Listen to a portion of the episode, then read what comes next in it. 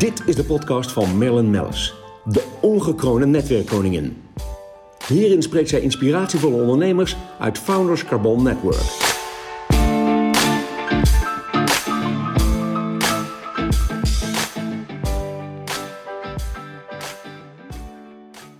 Welkom Jan-Peter Balken en uh, heel gezellig dat jij uh, bij ons op kantoor bent uh, voor een podcast om op te nemen. Ik denk leuk even voor de luisteraar, natuurlijk enorm bekend, daar pakken we zo even, even op terug van het premierschap. Hè? Dat was 2002, 2010 uit mijn hoofd. Het zijn er vier of vijf geweest. vier. Vier, ja, vier periodes. Um, maar nu al lange tijd bij EY aan de slag. Um, nu als senior advisor. Um, wat natuurlijk ook heel bijzonder is als hoogleraar uh, governance aan de Erasmus Universiteit in Rotterdam. En natuurlijk uh, commissariaten, bijvoorbeeld bij de ING. Um, ja, dan uh, rijst mij de vraag. hoe doe je het? Want het is natuurlijk echt heel veel nog steeds wat op je bordje ligt. Het is erg druk, um, maar het betekent wel dat je leven toch behoorlijk is veranderd. ik heb veel internationale dingen te doen. Ik ja. reis veel. Ik zou dit najaar naar uh, uh, Filipijnen, Australië, Singapore, uh, Japan, China, Washington zijn gegaan. Gaat allemaal niet door. En je ziet ineens, de, de werkelijkheid is totaal anders geworden. Dat is, dat is, die internationale contacten is ineens anders. De, veel online contacten, maar in ieder geval niet meer het reizen, voorlopig. Nou, dan verder, als je ziet de kantoren waar ik dan kom, bij EY en ING, ineens is het totaal anders. Ja. En nu bijvoorbeeld ING. begin van dit jaar werd het mooie nieuwe kantoor in Amsterdam geopend, het hoofdkantoor. Um, ja, en nu werkt er een heel klein aantal mensen. Dus dat is de realiteit van, van, van, dit moment. Maar tegelijkertijd zie je ook alweer een ontzettende creativiteit. Ik vind het fenomenaal hoe snel bedrijven digitaal zijn gaan werken. Nou, want daar, daar hadden we spraken heel even kort af uh, van tevoren het over de, de webinars die er zijn gekomen, ja. de, de online meetings, de hangouts, de, noem maar op. Um, hoe zie jij daar, hè, nu hangen we daar ja. letterlijk middenin, en hoe zie jij de toekomst daarvan? Ik denk wel dat uh, dit een tijd is waarin we ook lange termijn ontwikkeling onder ogen gaan zien. Ik ben ervan overtuigd dat uh, we opnieuw gaan nadenken, wacht eens even, kunnen we dingen wellicht anders doen? Ja. dat, iedereen praat nu ook al over een nieuwe verhouding tussen thuiswerken uh, en op kantoor werken bijvoorbeeld. Ja, heel specifiek bij, bij de semi-corporates en corporates ja. zie je die trend nu al uh, dat die wordt ingezet? De, omdat men ook uh, de voordelen ziet. kijk, het, het, kan ook doorslaan. Alleen maar thuiswerken is te veel. Er zijn wel bedrijven geweest die het in het verleden geprobeerd, er zijn, is er van teruggekomen. Je hebt momenten nodig om elkaar te zien.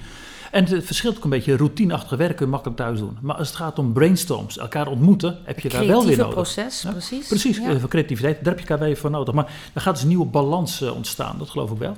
Maar het is ook mooi, want je ziet ook dat mensen hun eigen leven willen inrichten. Hoe is de thuissituatie, hoe is het met je gezin. Nou, uh, en dan krijg je wel dat er nieuwe ideeën gaan ontstaan, nieuwe combinaties. Dat vind ik heel boeiend.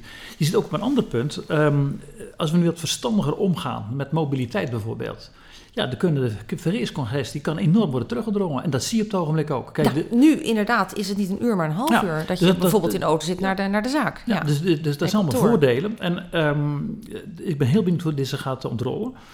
Tegelijkertijd is ook wel een tijd van grote zorg. Want kijk, uh, toen uh, de hele ellende begon, uh, ik heb me gewoon ontzettend zorgen gemaakt om die bedrijven, die organisaties, die ondernemers, die plotseling te maken hadden met omzet nul. Ja, ja dat, uh, dat hakt er diep in. Dat, dat, dat zijn de negatieve kanten van dit moment. Ja, en dat is eigenlijk natuurlijk nog steeds zo. Hè? De, de, de toerisme-industrie, uh, ja. we hebben het natuurlijk ook steeds over de horeca, maar ook logistiek. Uh, mensen die afhankelijk zijn inderdaad van de, van de buitenlandse reizen en de, in een ex, van ja, de, de, de, de Um, uh, eigenlijk ook het, het vervoer. Uh, je, je, ziet op zoveel vlakken ja. zie je daar problemen in ontstaan. Um, maar er zijn heel veel mensen die van 100 naar 0 zijn gegaan. Ja. En er was even een opleving. Ik sprak met uh, Piers Winkels onlangs. die zei ook van ja, we hadden eventjes omzet 0. Ja.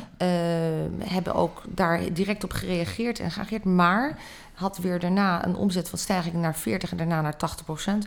Maar goed, natuurlijk nu ook weer met de nieuwe maatregelen zakt dat ook weer zwaar in. Dus ja Vele nou, je, je, ziet, kijk, je ziet de ontwikkeling van wat, wat tekent zich nu precies af bij bedrijven. En ik ben nog heel goed toen de uh, coronacrisis begon, werd gesproken over we krijgen een soort V-shape. Dat betekent je hebt een diepe uh, val in de economische ontwikkeling, maar je zult er snel herstel zien. Dat was aanvankelijk het idee, een V-ontwikkeling. Ja. Daarna was het nou, het, de, de, negatieve economische tijd kan wel een tijdje aanhouden, dan krijgen we een U. Toen werd we gezegd, nou, we kunnen nog meerdere uh, situaties krijgen, meerdere golven van corona. Misschien dat het een W wordt. Uh, en toen was dit, nou, dit heeft lange termijn effect en het is een L-vorm. En nu wordt de laatste tijd gesproken over een K-vorm. Dat betekent sommige ondernemingen, sommige organisaties doen het heel goed. Die, ja. die maken een opwaartse beweging. En andere, die doen het slecht en die gaan onderuit. Dus het is een heel mixed picture op het ogenblik. Ja. En, dus, en dan uh, komt het toch vooral neer als ondernemer van hoe ga je met deze situatie om? Wat is de creativiteit? Ben je in, inderdaad in staat om nieuwe dingen te, te beginnen, nieuwe dingen op te pakken, je zaak anders te organiseren? En ik denk ook wel dat dit een tijd is waarin juist de sterke ondernemers uh, ja, weer vooruit kunnen gaan. Ja, nou dat zien we ook natuurlijk om ons heen. Zeker ook binnen het Founders netwerk, maar natuurlijk ook daarbuiten. Um, ik uh, heb altijd, waar ik altijd met veel uh, interesse naar kijk, is ook zeg maar, um, en dan komt natuurlijk ook door het politieke landschap, van goh, wat zijn de verhoudingen en hoe luistert en kijkt de politiek naar het bedrijfsleven en hoe gebruikt ook het bedrijfsleven de politiek? Ik vond dat altijd al een heel interessant ja. onderwerp. zeker ook nu zie je uh, dat er enorm goede afspraken moeten komen. Uh, en ik ben ook benieuwd, straks gaan er natuurlijk ook weer handelsmissies opgepakt worden, et cetera. maar ook dat landschap zal veranderen. Ja. ja. Kijk, de verhouding politiek-bedrijfsleven is een ontzettend belangrijk onderwerp. Ja. En er is de laatste jaren best sprake geweest van spanning. Bijvoorbeeld de bejegening van grote ondernemingen in Nederland. Uh, maar soms ook onbegrip bij bedrijven. Waarom neem je deze maatregelen nu? Waarom moet dit gebeuren met een vennootschapsbelasting of, of anderszins? Ik denk dat deze crisis leert dat als je met elkaar verder wilt komen, dat je elkaar ook echt nodig hebt. Ja. Um, het is wat mij betreft volstrekt helder dat we deze fase alleen maar door kunnen wanneer alle partijen weten wat ze te doen staat. En ik vind het heel goed dat de overheid ook met het pakket maatregelen is gekomen. Daarmee heb je bedrijven gered voorlopig. Maar uiteindelijk is dat een tijdelijk iets. En de keuze die we nu hebben is van weet elkaar ook in de toekomst op te zoeken. Uh, heb je iets van een gemeenschappelijke agenda? Um, je weet Marlin dat ik zelf een enorm voorstander ben van thema's als duurzaamheid. Op mondiale schaal hebben we de Sustainable Development Goals, een geweldig set aan doelstellingen die hebben te maken met bevordering van kwaliteit van leven iedereen, voor iedereen op deze ja. planeet. Nummer 17 van die doelstelling heet partnerships. Kijk. Hoe komt het nou dat bij zo'n belangrijk set aan doelstellingen de laatste categorie ineens heet partnerships? En dat komt omdat we weten dat je zult, je zult die doelen nooit bereiken, ook zonder de private sector. Ja. Ban Ki-moon, de vroegere secretaris-generaal van de VN, die heeft ook gezegd: we zullen nooit die doelen halen zonder de private sector. Precies. En um, ik, ik, heb laatst een, uh, met tal van mensen gesproken over uh, het uitbrengen van een verklaring. En dat is heel mooi om te zien, waar een, een aantal organisaties, de club ook zelf voorzitter van ben, de Dutch Sustainable Growth Coalition, MVO Nederland, de Nederlandse Vereniging van Banken, en Global Compact Nederland, toen hebben we gezegd: we willen een gemeenschappelijke verklaring uitgeven. En die boodschap daarvan is: als nu overheden, of nu Europa is of Nederland als overheden nu stimuleringsmaatregelen treffen voor bedrijven, leg dan direct een verband met, het thema vergroening, verduurzaming. Want je kunt het nu doen, maar je kan niet nog een keertje doen naar de hand.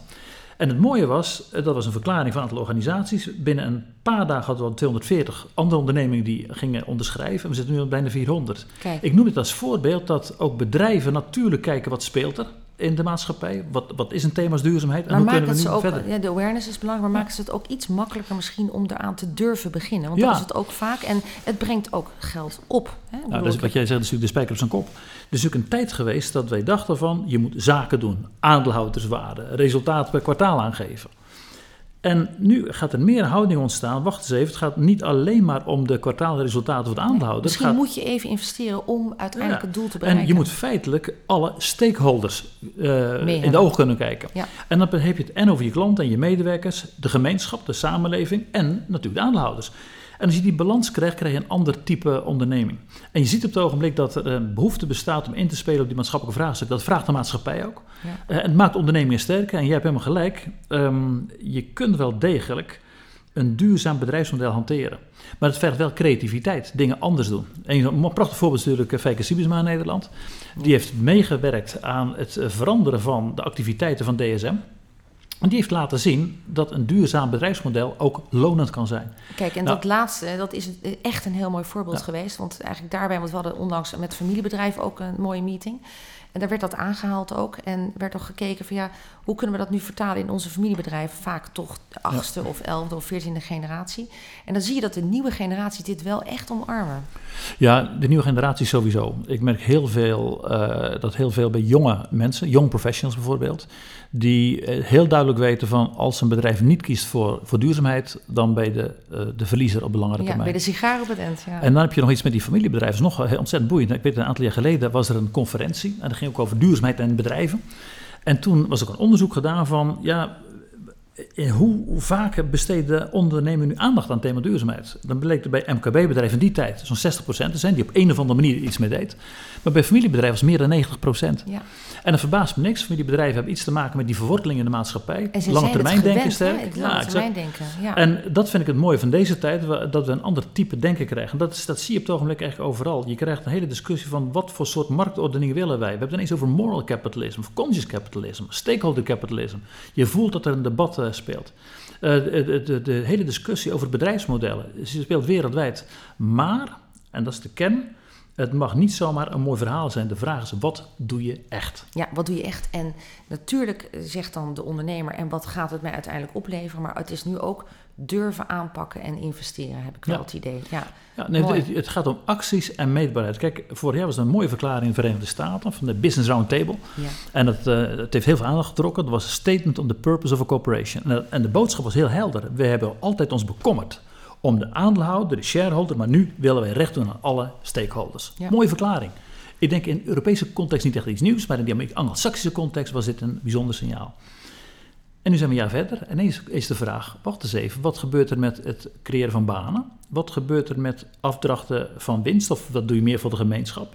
En ineens gaan de kritische signalen komen en dan is de vraag van, je hebt een mooie verklaring, maar wat gebeurt er in de praktijk? En dat is ook het goede. Als je zegt van we willen een duurzame onderneming zijn. Ja, we kiezen voor de afspraken voor klimaat en Parijs. Wat doe je zelf? Ja. En dat moet een kwestie zijn van eerlijkheid, helder ja, doelstelling en afrekenbaarheid. Ja, zeker. Um, nu hebben we natuurlijk, ja, uh, we zitten natuurlijk nu in de maand oktober en we gaan straks weer naar de verkiezingen. Um, zelf natuurlijk premier geweest uh, uh, van Nederland ja, tussen 2002 en 2010. Ook trouwens met een crisis. Ja in, zat er ook bij. Um, uh, hoe, hoe, kijk je eigenlijk naar het huidige CDA ten opzichte van toen? Dat, dat speelde eigenlijk vanochtend door mijn hoofd. Dat ik dacht, is daar veel in veranderd? Nou, kijk, een, een, een partij, kijk, een partij heeft, heeft, altijd te maken met de vraag waar sta je wat zijn je uitgangspunten. Ja. En ik vind, als ik naar mijn eigen partij bekijk, de, de grondslag die, van, van de partij bestaat eigenlijk uit het denken in termen van spreiden van verantwoordelijkheden solidariteit en rentmeesterschap. Doe het goede voor deze planeet. Uh, laat mensen talent ontwikkelen. De norm van gerechtigheid. En dat leidde in het verleden tot het concept van een verantwoordelijke samenleving. Nou, als ik nu zie wat op het ogenblik wordt verlangd van overheid, van maatschappelijke organisaties, van bedrijven, van kenniscentra, universiteiten, scholen dan denk ik dat het type benadering dat nu nodig is, sluit heel nauw aan bij dat concept van die verantwoordelijke samenleving. Ja. Want een onderneming is niet meer de traditionele onderneming van winst maken per kwartaal en afrekenen. Nee, het gaat om heel andere dingen. De overheid zal moeten samenwerken met anderen, anders kom je niet.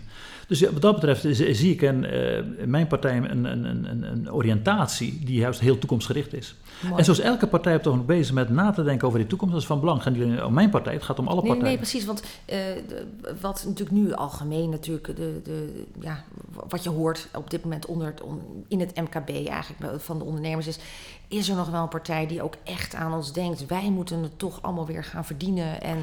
Nou, de, ik, ik, ik, snap die gevoelens heel goed. Um, nou ja, dat is ook eigenlijk wat ik, ja. ik spreek ook echt uit namens velen Ja. hoor. Want we hebben ook met ONL laatst weer een sessie gehad uh, hier uh, in, de tuin, uh, COVID-proof, met een aantal mensen om daar eens even over te praten. Want je merkt de onrust bij de ondernemer.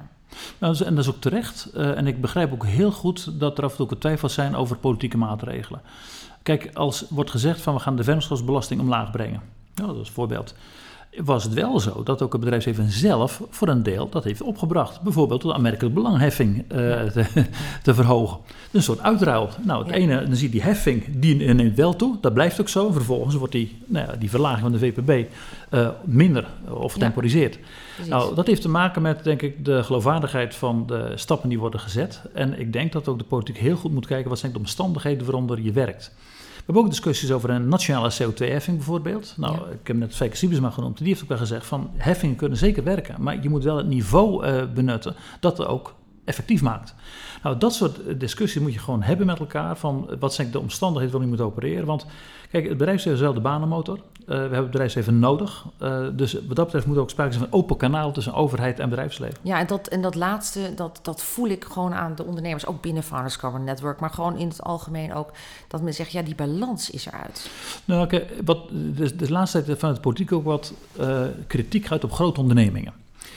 En Sigrid Kaag bijvoorbeeld zegt, we moeten oppassen dat we al die bedrijven nu gewoon uh, zo kritisch uh, benaderen. Want we hebben ze gewoon nodig voor research en development, voor baanontwikkeling. Voor... weg, ja. En ik zelf heb altijd schat van je moet ook zorgen dat de grote bedrijven zich hier thuis kunnen voelen. Ik weet nog goed, ik, destijds toen ik premier was hadden wij het innovatieplatform.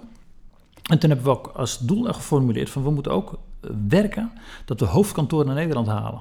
Want die hoofdkantoor heeft te maken met hoe sta je als land voor? Ben je aantrekkelijk als land? Maar weet ook dat hoofdkantoren leidt tot extra activiteiten. Nou, je ziet heel vaak dat bijvoorbeeld research and development uh, meer gaat, gaat doen in, zo'n, uh, in een land waar je als hoofdkantoor hebt. Nou, dit soort zaken die moet je op je laten inwerken en pas op dat je de bedrijven van je vervreemdt. Ja. En soms lijkt het wel eens een keer of het uh, debat in, in de politiek en die van bedrijven dat dat ja, twee verschillende werelden zijn. En dat mag niet gebeuren. Nee, nee, dat is wel eigenlijk nu licht aan het gebeuren. En het is ook inderdaad belangrijk om de achterdeur dicht te houden. Inderdaad, in ieder geval te behouden wat we hebben. Ja, absoluut. En, en een, uh, een mooi plan uit te rollen. Nou ja, het is, we zijn alweer veel te lang aan het kletsen. Ja, ik kan met jou natuurlijk wel uren praten over van alles en nog wat. Um, ik eindig eigenlijk altijd heel graag met uh, tips voor ondernemers. En, en in dit geval, uh, ja, heb jij tips voor, voor ondernemers in het algemeen? Ja, maar kijk, ondernemers weten zelf, denk ik heus wel, wat er te doen staat. Die hebben niet direct mijn tips nodig. Maar wat, kijk, als je mij vraagt, waar word je warm van? Ik word warm van ondernemers die de feiten nemen zoals ze zijn, maar tegelijkertijd werken aan vernieuwing. En dat kan te maken hebben met het stimuleren van je personeel. Probeer mensen gemotiveerd te houden. Dat kan uh, zijn het opnieuw doordenken van je productieprocessen of je activiteit of je dienstverlening of wat dan ook. Die ondernemingen die nu creativiteit in dag weten te leggen, die worden heel erg sterk. Um, dus een ondernemer is eigenlijk altijd iemand die verder wil gaan. Ik kom zelf uit Zeeland. Daar hebben de bekende leus van de provincies Luctor et Emergo. Ik worstel en kom boven. Ik denk dat dat een ja. leus is die ook buitengewoon relevant is voor ondernemers nu. Ja. En weet ook dat als je deze moeilijke tijd doorkomt, dan heb je straks... En de tijd wordt anders en er komt weer een betere tijd. Uh, maar dan ben je wel gereed voor die toekomst van morgen. Dus ja. probeer verder te kijken dan het hier en nu. Uh, zorg dat die creativiteit aan de dag uh, wordt gelegd. Maak ook gebruik van jonge mensen in je organisatie. Ik geniet vaak van jonge mensen die met nieuwe ideeën komen, sprankelende ideeën. Bied daar ruimte voor. Uh, en zorg ook dat de teamspirit ontzettend goed is. Nou, ik, ik, wil hiermee besluiten. Fantastische laatste woorden. Hartelijk dank voor je komst. En ik hoop tot, tot spoedig. Wij zijn te beluisteren via Spotify en Soundcloud. En nou, hartelijk dank nogmaals, Jan-Peter. Graag gedaan.